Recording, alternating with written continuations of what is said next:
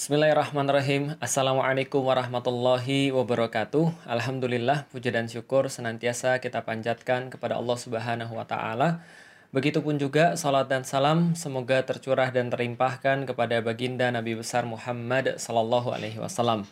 Alhamdulillah teman-teman sekalian yang dirahmati Allah, kita masih bisa meneruskan live kita. Puji dan syukur hanya kepada Allah Salat dan salam hanya kepada Rasulullah dan kita berharap semua yang kita lakukan ini tidak lain dan tidak bukan adalah hanya untuk Islam semata. ah, teman-teman sekalian, kita sudah sampai pada episode ke-37 kalau saya nggak salah. Dan episode ke-36 kemarin kita bahas tentang ada berapa sih aliran di dalam Islam. Dan kita juga sudah jawab bahwa sebenarnya Islam itu kayak sebuah pohon. Kaifa daraballahu masalan kalimatan thayyibatan ka syajaratin thayyibah. Karena sesungguhnya Islam itu dimulai dengan sebuah perkataan yang baik yaitu adalah kalimat syahadatain asyhadu an la ilaha illallah wa asyhadu anna muhammadar rasulullah maka ketika kita sudah mengucapkan itu ibarat kita sedang menanam sebuah benih dari benih ini muncul asluha sabitun wa far'uha fis sama Tu'ti ukulaha kulahinim bi'idni rabbiha. Maka muncullah akar yang menghujam ke tanah, yang mengokohkan pohon tersebut. Dari situ kemudian muncul sesuatu yang di atas tanahnya, berupa cabang-cabang yang mengarah ke udara. Lalu kemudian setiap cabang itu menghasilkan uh, buah-buahan yang baik seizin daripada Tuhannya. Ini adalah tentang Islam. Maka kalau Islam itu kita ibaratkan seperti sebuah pohon, maka satu pohonnya tapi bisa jadi ada banyak cabang yang kita lihat. Itulah yang namanya syariat. Karena syariat itu bisa jadi memang berbeda-beda dalam hal mengadopsinya. Kita sudah mengambil contoh bahwa kalau seandainya di zaman para sahabat saja itu para sahabat memungkinkan berbeda dalam uh, dalam memahami satu dalil syariat, maka apatah lagi di zamannya kita. Di zaman kita tentu saja kita lebih banyak Kemudian perbedaan itu karena kita tidak bisa langsung bertanya pada Rasulullah. Hanya saja kita pahami bahwa seluruh kehidupan manusia itu sudah diturunkan lengkap oleh Allah Subhanahu wa taala aturannya dengan ayat di dalam Al-Qur'an dalam surat Al-Maidah, "Al-yauma akmaltu lakum dinakum wa atmamtu alaikum ni'mati wa raditu lakumul Islam Madinah." Pada hari ini telah kusempurnakan agamaku bagimu, kucukupkan nikmatku bagi kalian semuanya, kuridoi Islam sebagai agama satu-satunya buat kalian. Berarti Islam sudah komprehensif, Islam sudah sempurna, sudah paripurna. Dia seperti sebuah bola, yang kalau bola itu ditambah jadinya benjol, kalau dikurangi jadinya penyok. Artinya, Islam sudah baik, sudah tinggal kita gali saja aturan-aturannya. Nah, kalau sana di, di zaman dulu ada perbedaan, apalagi di zaman sekarang. Dan memang tidak bisa kita untuk pungkiri, ada beberapa hal yang memang harus disesuaikan. Jadi ketika berbicara tentang sunnah misalnya, sunnah Rasulullah Shallallahu Alaihi Wasallam, sunnah itu ada beberapa arti teman-teman sekalian. Jadi gini singkatnya ya, dalam bahasa Arab kalau seandainya kata benda itu ada alif lam di depannya, itu mengartikan kata benda itu jadi khusus. Kalau tidak ada alif lam di depannya, maka itu artiannya adalah kata benda yang bersifat umum. Contoh misalnya, kalau kitabun misalnya, kitabun artinya adalah buku. Kalau misalnya kita tambahin depannya alif lam jadi al kitabu. Beda antara kitabun dengan al kitabu. Kalau kitabun artinya buku mana saja. Tapi kalau Alkitabu artinya buku yang itu. Atau dalam bahasa Inggris teman-teman bisa setarakan dengan kata-kata the. Jadi al sama dengan the. Contoh misalnya, moon itu bulan. Book itu buku. Beda dengan the moon atau the book. Kalau misalnya the book ya berarti buku yang itu atau the moon adalah bulan yang itu, bukan sembarang bulan atau sembarang buku. Sama kayak kata-kata sunnah. Sunnah itu secara umum adalah artinya kebiasaan. Kalau kita berbicara tentang sunnah Nabi, berarti mungkin yang dimaksud adalah kebiasaan-kebiasaan Nabi. Beda dengan as-sunnah. Kalau as-sunnah bisa jadi menunjuk pada sunnah yang bersifat khusus, yaitu adalah al-hadis misalnya. Yang dibagi menjadi tiga yang sering kali kita baca di dalam buku-buku hadis, uh, yaitu adalah soheh, hasan, do'if. Tapi Oke, lupakan saja semuanya. kita nggak akan membahas terlalu detail. Kalau kita berbicara misalnya tentang sunnah Rasulullah Shallallahu Alaihi Wasallam, ini memungkinkan ada yang berbeda. Contoh misalnya, ketika kita berbicara tentang uh, tentang bagaimana sunnah Rasul itu diteruskan oleh para sahabat, yang kemudian para sahabat ini merasa bahwa dirinya tidak sebanding dengan Rasulullah. Ini tentunya adalah bagian daripada cara hidup Rasulullah untuk senantiasa kita itu menjadikan diri kita hamba pada Allah dan kita berkhidmat pada Rasulullah Sallallahu Alaihi Wasallam. Maka di zamannya Abu Bakar, ketika Abu Bakar menggantikan Rasulullah Sallallahu Alaihi Wasallam menjadi seorang khalifah misalnya, ketika itu beliau ketika ketika khutbah Jumat, beliau tidak menempati posisi sebagaimana Rasulullah berdiri. Jadi kalau Rasulullah Rasulullah berdiri itu posisinya naik tiga anak tangga. Maka ketika naik tiga anak tangga, Rasulullah berkhutbah di sana, Abu Bakar nggak mau. Kenapa? Karena dirinya merasa bahwa dirinya cuma berkhidmat kepada Rasulullah dan nggak akan pernah sebanding dengan Rasulullah. Bahkan semulia Abu Bakar pun merasanya begitu. Lalu beliau turun satu anak tangga. Maka ketika beliau digantikan lagi oleh Khalifah Umar, Khalifah Umar merasa dia tidak sebanding dengan Abu Bakar maka dia pun turun lagi satu anak tangga lagi. Jadi kalau ada tiga anak tangga, ini sudah turun dua nih ketika zamannya uh, Khalifah Umar. Ketika Khalifah Umar digantikan sama Khalifah Utsman, maka Khalifah Utsman tidak turun lagi satu tangga tapi malah naik lagi menempati posisi seperti Rasulullah Shallallahu Alaihi Wasallam. Mulai ramai orang mengatakan, wah ini berarti Utsman nggak meniru sunnah para sahabat dan mengikuti sunnah Rasulullah karena Rasulullah mengajarkan bahwa kita semua adalah berkhidmat kepadanya dan juga hamba Allah harusnya dia mengikuti seperti Abu Bakar yang turun satu anak tangga dan Umar yang turun satu anak tangga. Apakah Utsman merasa dirinya setara dengan Rasulullah dan di atas Abu Bakar dan uh, uh, di atas Umar dan bahkan Abu Bakar. Ternyata tidak, tapi ada alasan yang lain. Alasannya Utsman apa? Ketika ditanya, "Kenapa kamu naik anak tangga dan menempati seperti Rasulullah ketika berkhutbah Jumat?" Maka Utsman menjawab, "Iya, karena kalau saya turun lagi gimana manusia bisa ngelihat saya?" dan itu pun sunnah. Kenapa? Karena bagian daripada dalil Islami. Karena manusia nggak bisa ngelihat beliau ketika beliau khutbah Jumat. Dan bayangkan kalau sunnah kayak begitu kemudian dilanjutkan ke bawah-bawah, itu di Masjid Nabawi atau di Masjidil Haram itu gali berapa berapa tangga ke bawah kalau saya setiap setiap khalifah harus kemudian turun satu anak tangga kan gitu. Nah, artinya Islam tidak menutup diri daripada per, uh, daripada perubahan, daripada sesuatu teknologi, daripada sesuatu hal yang bersifat uh, apa ya? Yang yang tidak sama seperti di zamannya Rasulullah. Islam sangat adaptif sekali dan memang syariat memungkinkan orang-orang untuk jadi adaptif. Jadi sehingga kalau ada yang bilang, "Ah, oh, kalau kita menerapkan Islam emang mau kembali ke zaman gurun." Ini orang yang salah paham. Kenapa? Justru syariat itu sangat modern sekali. Karena itulah bagian daripada sunnah Rasulullah untuk mengadopsi teknologi-teknologi yang bebas nilai tapi tidak boleh mengadopsi segala sesuatu yang ada nilainya apalagi yang bernilai akidah. Kenapa? Karena kita sudah tahu setelah datang Islam, maka seluruh aturan-aturan lain menjadi tidak berharga atau isme-isme lain menjadi tidak berharga. Kenapa? Karena semua sudah dicukupi dengan Islam. Contoh misalnya, kalau dia orang Muslim mengadopsi komunisme, jelas nggak bisa dan pasti bertentangan. Dia muslim atau dia Islam tapi mengadopsi kapitalisme jelas nggak bisa karena bertentangan dengan akidahnya. Nah untuk kemudian hal-hal yang punya nilai akidah kayak begini maka kita tidak boleh adopsi. Tapi dalam perkara-perkara yang bersifat umum, perkara-perkara yang bersifat uh, tidak ada nilai secara akidah, maka kita boleh-boleh saja. Contoh, Rasulullah Shallallahu Alaihi Wasallam mengadopsi teknologi manjanik dari Persia. Umar bin Khattab mengadopsi sistem administrasi Persia misalnya. Dan beberapa kaum muslimin kemudian mengadopsi teknik-teknik perang gaya Romawi misalnya dan segala macamnya. Ini adalah sesuatu yang boleh karena bebas nilai. Kayak sekarang misalnya ada yang nanya, "Saat boleh nggak kita mempelajari teknik berfil uh, perfilman barat?" Nggak ada masalah karena teknik perfilman mah umum. Yang tidak boleh mempelajari bagaimana film mereka bisa sukses. Contoh misalnya yang ada nilai ideologinya, yang ada ukuran halal dan haram di sana. Seperti kalau buat film itu harus ada unsur seksnya, harus ada unsur-unsur erotisnya dan segala macam. Kita tidak meniru itu dan kita tidak masuk dalam itu. Sederhananya lah teman-teman sekalian, Allah telah menjadikan Al-Qur'an dan al-hadis itu menjadi cukup bagi kaum muslimin untuk mereka hidup. Ibarat itu adalah sebuah manual instruction yang datang kepada manusia, maka manusia itu akan baik selama mereka menaati Allah dan Rasulnya. Maka Allah menjamin itu dan Rasul juga menjamin itu. Rasulullah Shallallahu Alaihi Wasallam kemudian menyampaikan, e, Tarok tufikum amroin. Kami tinggalkan kepada kalian ada dua perkara.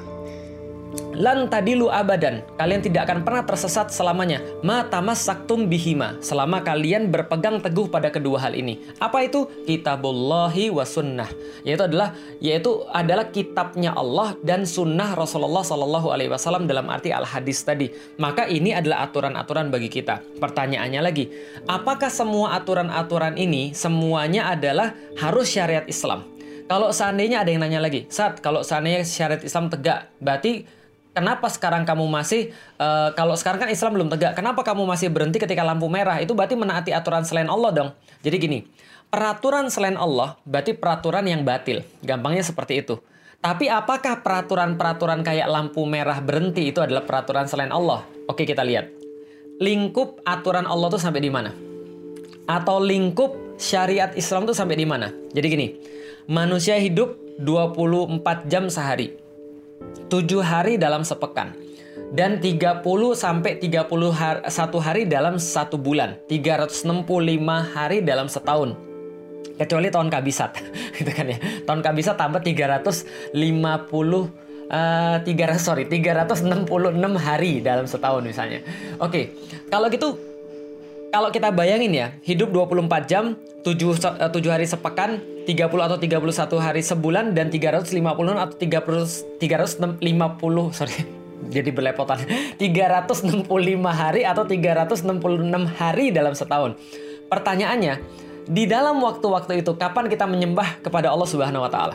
Jawabannya 24 jam sehari, 7 hari sepekan, 30 sampai 31 hari dalam sebulan dan 365 hari sampai 366 hari dalam setahun. Itulah kita menyembah pada Allah. Artinya tidak luput satu detik pun, tidak luput satu saat pun kecuali kita dalam keadaan menyembah kepada Allah Subhanahu wa taala. Itu itu adalah pengetahuan kita. Maka Allah menyampaikan di dalam Al-Qur'an, "Wa ma khalaqtul jinna wal insa illa liya'budun." Kami tidak menjadikan manusia dan jin itu ada hidup kecuali untuk menyembah kepada kami. Maka tidak ada satupun purpose tujuan daripada hidup kita kecuali untuk menyembah kepada Allah Subhanahu wa taala. Maka kita kemudian menyembahnya dengan cara apa? Dengan keseluruhan hidup kita. Berarti tidur itu bisa jadi penyembahan kepada Allah kalau kita niatkan dan kita lakukan dengan cara yang benar. Berarti makan itu bisa jadi penyembahan kepada Allah kalau kita niatkan dan kita lakukan dengan cara yang benar. Berarti mohon maaf beristri dan melakukan aktivitas-aktivitas suami istri itu termasuk mencubitnya, termasuk berguyon dengannya, termasuk bercanda dengannya, termasuk ketika kita muji-muji dia, termasuk kita ya segala macam lah. Itu termasuk bagian daripada penyembahan kalau kita niatkan dan sesuai dengan perintah Allah Subhanahu wa taala. Berarti ini yang kemudian kita harus tahu ya. 24 jam sehari dan seterusnya sampai 365 hari dalam setahun itu semuanya adalah penyembahan kepada Allah Subhanahu wa taala. Berarti lingkup aturan Allah juga ada di situ. Setiap kehidupan kita ini adalah lingkup syariat Islam, maka tidak ada satupun aktivitas yang tidak ada hukumnya di situ. Semua aktivitas ada hukumnya dan kita sudah tahu hukumnya salah satu di antara lima. Satu wajib, dua uh, sunnah atau mandub. Nah ini sunnah yang lain lagi ya, bukan sunnah yang tadi. Sunnah dalam arti mandub, yang ketiga adalah mubah atau boleh, yang keempat adalah makruh atau dibenci, yang kelima adalah haram atau dilarang. Ini semua pasti ada hukumnya di antara lima itu. Taunya dari mana? Dari belajar. Dari belajar fikih kita tahu misalnya contoh makan babi itu haram. Dari belajar fikih kita jadi tahu sebagian ulama mengatakan merokok itu makruh, sebagiannya lagi mengatakan merokok itu haram. Contohnya lagi misalnya kita jadi tahu bahwa kalau saya sholat rawatib itu adalah sunnah muakat. Kita jadi tahu bahwa kurban itu sunnah muakat. Kita jadi tahu bahwa akikah itu juga termasuk sunnah. Lalu kita jadi tahu sholat lima waktu menjadi wajib. Kita jadi tahu main bola, nonton drakor, main Instagram itu menjadi sesuatu hal yang mubah. Kita jadi tahu gara-gara kita belajar. Nah, setelah kita jadi tahu, seluruh kehidupan kita ini berada dalam lingkup hukum syariat. Alias setiap aturan sorry, setiap aktivitas manusia itu pasti ada aturannya. Itu lingkup besarnya. Kalau gitu bagi-baginya berdasarkan apa? Oke, bagi-baginya berdasarkan kayak begini. Kita bagi tiga kehidupan kita kita bagi tiga kehidupan kita. Nanti akan saya sampaikan apa dalilnya. Kan kalau di dalam Islam kan mudah. Dari kemarin kita sudah bahas, kalau ada dalil, ikuti. Kalau nggak ada dalil, berarti jangan ikutin. Jadi intinya adalah dalilnya. Kita tuh taat sama Allah. Berarti kalau taat sama Allah harus ada dalilnya. Dalilnya di antara empat. Quran atau Al-Hadis atau kemudian ijma para sahabat atau kias. Oke kita bahas. Hidup kita dibagi tiga. Yang pertama adalah segala sesuatu yang berkaitan dengan baik dan buruk. Berkaitan dengan baik dan buruk. Hak dan batil, berkaitan dengan baik dan buruk, berkaitan dengan perkara-perkara yang ada dosa dan ada pahala. Oke, ini yang pertama. Yang kedua, hidup kita itu berkaitan dengan masalah benar dan salah. Kalau bahasa Inggrisnya right or wrong, benar dan salah atau tepat dan tidak tepat, gitu ya. Itu adalah yang kedua. Yang ketiga, itu berkaitan dengan sesuatu selain keduanya yang ber, yang bersifat indah atau tidak indah gitu kan ya. Bagus atau tidak bagus dan seterusnya. Saya ulangi lagi. Hidup kita itu senantiasa di antara tiga. Pertama berkaitan dengan benar dan sorry baik dan buruk. Yang kedua adalah tentang benar dan salah. Yang ketiga tentang indah atau tidak indah bagus atau nggak bagus jelek atau nggak jelek ya itulah segala macamnya oke kalau gitu kita lihat yang pertama, berkaitan dengan hak dan batil, berkaitan dengan masalah baik dan buruk, maka tidak boleh ada satupun manusia yang ikut campur menentukan kecuali Allah Subhanahu wa Ta'ala. Allah yang menentukan mana baik dan berpahala, mana buruk yang dapat dosa. Perkara-perkara itu tidak boleh ada yang lain yang menentukan kecuali Allah. Maka kalau seandainya kita berbicara tentang masalah baik atau buruk, semua itu pasti ada hukum Allahnya dan Allah yang menentukan kesemuanya. Contoh misalnya, dari mana kita tahu sholat itu baik? Karena Allah yang menentukan. Dari mana kita tahu bahwa membunuh itu buruk? Karena Allah yang menentukan. Tapi bisa jadi baik? Bisa, kalau Allah menentukan. Dari mana kita tahu bahwa maling itu adalah sesuatu yang buruk? Karena Allah yang menentukan. Maka dalam perkara ini Islam sangat strict. Islam katakan al-haqqu mirabbikum. Sesungguhnya yang namanya kebenaran itu datang daripada Tuhan kalian, tidak datang daripada yang lain. Felixio tidak bisa menentukan baik dan buruk bahwa kemudian saya tidak bisa menentukan yang mana yang dosa dan yang mana yang pahala. Semuanya adalah hak prerogatif Allah dan tidak boleh ada satupun manusia yang menentukan itu. Pernah terjadi ketika kemudian kasusnya Adi bin Hatim yang sudah saya ceritakan sebelumnya, yang di dalam surat At-Taubah Allah sampaikan ittakhadhu ahbarohum wa ruhbanahum arbaba min dunillah mereka orang-orang itu Nasrani dan orang-orang Yahudi mereka menjadikan rahib-rahib mereka dan menjadikan uh, pembesar-pembesar mereka itu sebagai kemudian penentu-penentu benar dan salah, penentu-penentu hak dan batil, penentu-penentu uh, baik dan buruk selain daripada Allah Subhanahu wa taala. Artinya aktivitas kayak gini menentukan halal dan haram tidak boleh oleh manusia. Tidak boleh oleh siapa pun kecuali Allah Subhanahu wa taala. Jelas ya? Ini yang pertama al-haq dan batil gitu kan. Al-batil dan al-haq ini semua yang menentukan adalah Allah Subhanahu wa taala. Dalam hal yang kedua, dalam urusan benar dan salah, right or wrong, maka Allah dan Rasulnya memberikan hukum syariat ini pada para ahlinya. Suatu waktu Rasulullah Shallallahu Alaihi Wasallam sedang melihat orang lagi menyerbukkan kurma. Maka kemudian Rasulullah sampaikan, ngapain? Sudah biarkan aja, biarkan alamiah aja. Maka kemudian orangnya bilang, kalau tidak saya lakukan penyerbukan ini ya Rasulullah, maka tipe yang ini tidak akan berbuah. Maka Rasulullah menyatakan pada dia, ya sudah, antum a'lamu bi umurid dunyakum. Maka kamu lebih tahu atas urusan agama, sorry, atas urusan dunia kalian. Kamu lebih tahu tentang urusan kamu ini. Karena kamu ahli di dalam bidang pertanaman, maka kamu buatlah seperti yang kamu suka. Maka ini adalah berkaitan dengan masalah ahli. Yang kedua, kalau ini berkaitan dengan masalah benar dan salah, serahkan pada ahlinya. Jangan tanya kepada Al-Quran. Jangan buka Al-Quran, tanya sama ahlinya. Akar pangkat 4, tanya sama ahli matematika. Akar pangkat 91, tanya sama matematika. Jangan buka Al-Quran surat ke-9 ayat ke-1 jawabannya apa. Jelas ya? Maka kadang-kadang ini kebalik-balik. Ada orang pernah nanya pada saya, Ustadz mohon maaf Ustadz, besok saya mau ujian. Apa ayat yang harus dibaca? Saya bilang belajar. Karena sebab akibat itu berkaitan dengan masalah right and wrong jawaban Anda itu sangat tergantung dengan benar dan salah, maka belajar. Setelah belajar ya kalau doa mas setiap hari kita juga harus berdoa untuk kemudian ke eh, kelancaran urusan-urusan kita. Minta ampun pada orang tua dan segala itu mah memang juga harus. Tapi yang berkaitan dengan benar dan salah Anda harus belajar. Contoh lagi kayak gini. Anda mau bangun Anda mau bangun rumah. Anda mau bangun tiga tingkat di sebuah tempat tempatnya misalnya contoh tanahnya di daerah Bogor taruhlah misalnya. Jangan kemudian buka Al-Qur'an. Berapa jauh Anda harus untuk bikin fondasi? Jangan buka Al-Qur'an. Kenapa? Karena Al-Quran dan juga Al-Hadis, Allah dan Rasulnya sudah nyuruh Anda untuk nyari ahli di situ. Cari ahlinya, tanya pada dia, saya mau bangun rumah tiga tingkat, saya harus bangun fondasi sampai berapa dalam. Maka dia yang bisa jawab. Jangan kebalik-balik. Dalam urusan baik dan buruk, Anda nanya ahli. Salah.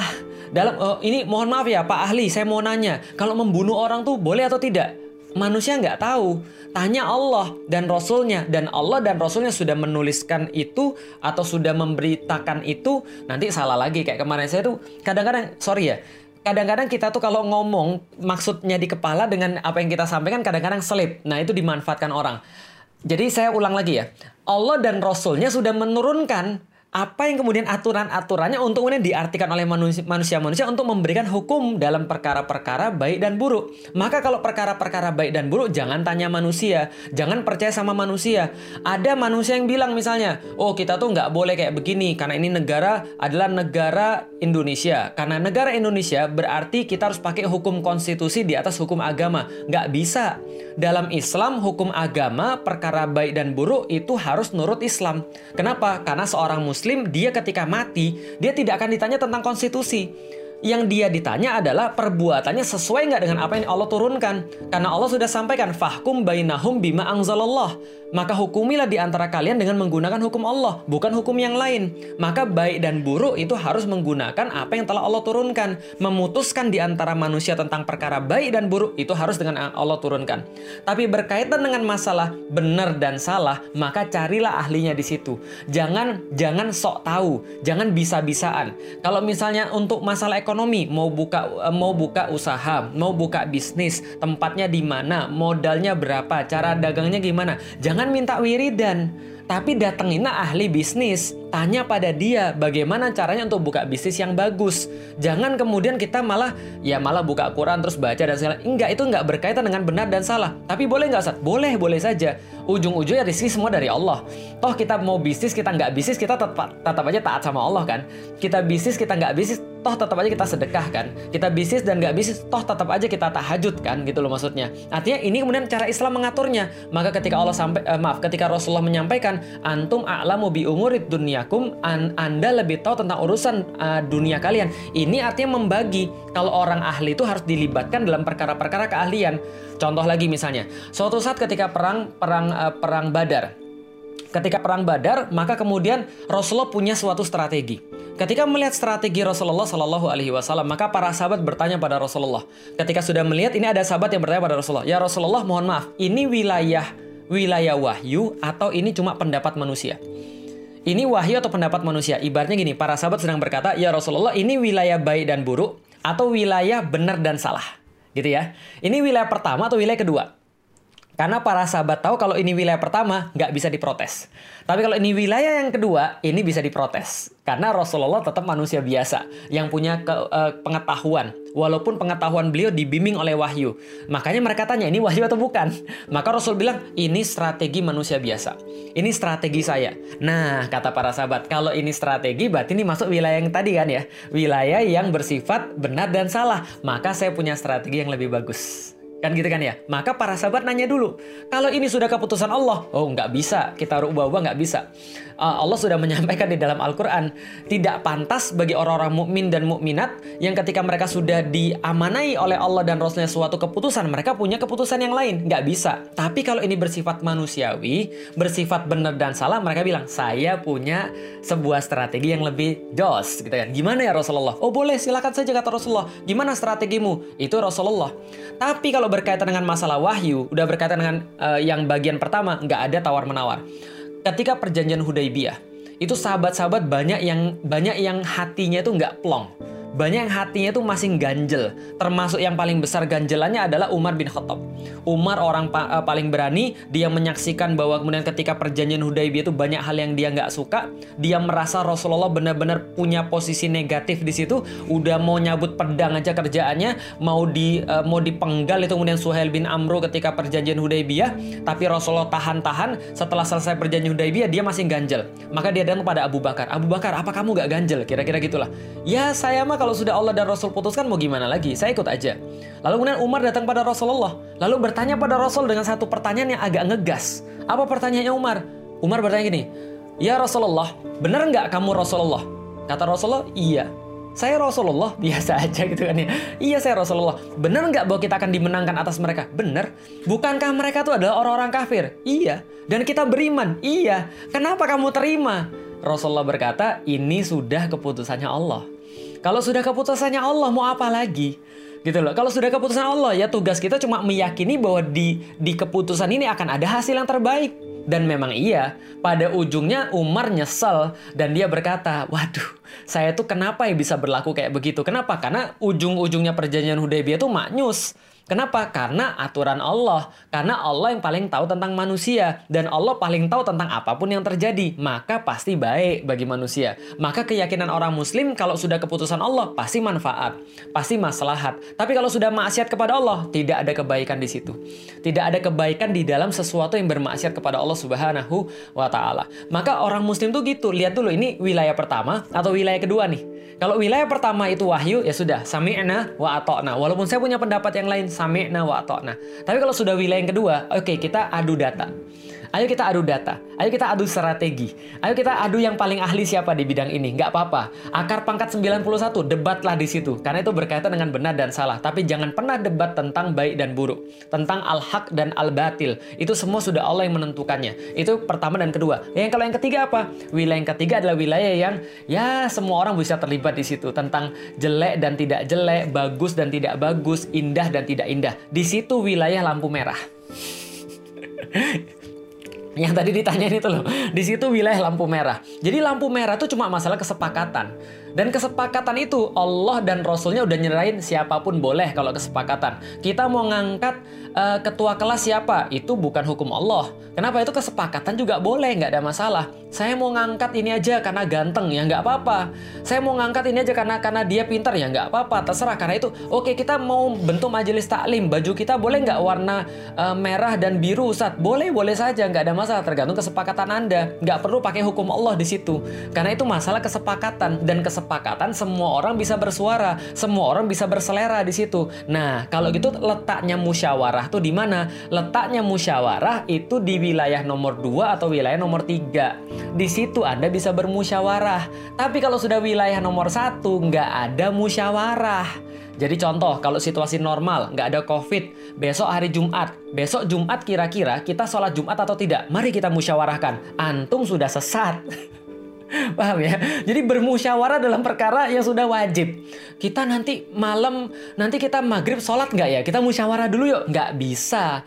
Kenapa? Musyawarah itu cuma dalam perkara-perkara nomor 2 dan nomor 3. Tapi dalam perkara sudah ditentukan oleh Allah, gimana caranya musyawarah? Orang sudah diwajibkan, mau dimusyawarahkan. Kita musyawarah, kita mau ikut uh, Ramadan uh, puasa wajib nggak? Itu nggak perlu dimusyawarahkan. Memusyawarahkan sesuatu yang sudah jelas itu namanya pembangkangan. Malah namanya adalah maksiat kepada Allah Subhanahu wa taala. Jadi nggak ada masalah. Nggak semua aturan bukan aturan Islam, atau sorry, nggak semua aturan-aturan yang tidak ada di dalam Al-Quran itu semuanya adalah aturan togut. Nggak gitu juga. Termasuk yang namanya uh, lampu merah, termasuk KTP, termasuk urusan administrasi komunikasi, termasuk urusan-urusan bersifat umum, semua itu adalah berkaitan dengan kesepakatan saja, berkaitan dengan musyawarah. Nah, makanya kemudian kalau kita mau belajar, kita harus belajar benar-benar sampai di titik mana kemudian kita memahami bahwa ini aturan Allah yang berkaitan dengan yang uh, fase yang sorry, bagian pertama yang bagian kedua yang mana dan bagian yang ketiga yang mana. Nah, mudah-mudahan kita diberikan Allah kemudahan untuk senantiasa tawadu, untuk senantiasa membuka diri kita untuk mau belajar dan tidak menjadi orang-orang yang tertipu dengan amal-amal dan tertipu dengan keyakinannya. Mudah-mudahan Allah senantiasa merahmati, mudah-mudahan Allah senantiasa memudahkan kita semuanya. Mudah-mudahan Allah menjadikan kita semuanya termasuk orang-orang yang senantiasa mencari ridho Allah Subhanahu wa taala dengan cara memperbaiki niat dan memperbaiki amal kita senantiasa. Kita sambung dalam pertemuan berikutnya. Assalamualaikum warahmatullahi wabarakatuh. Dadah.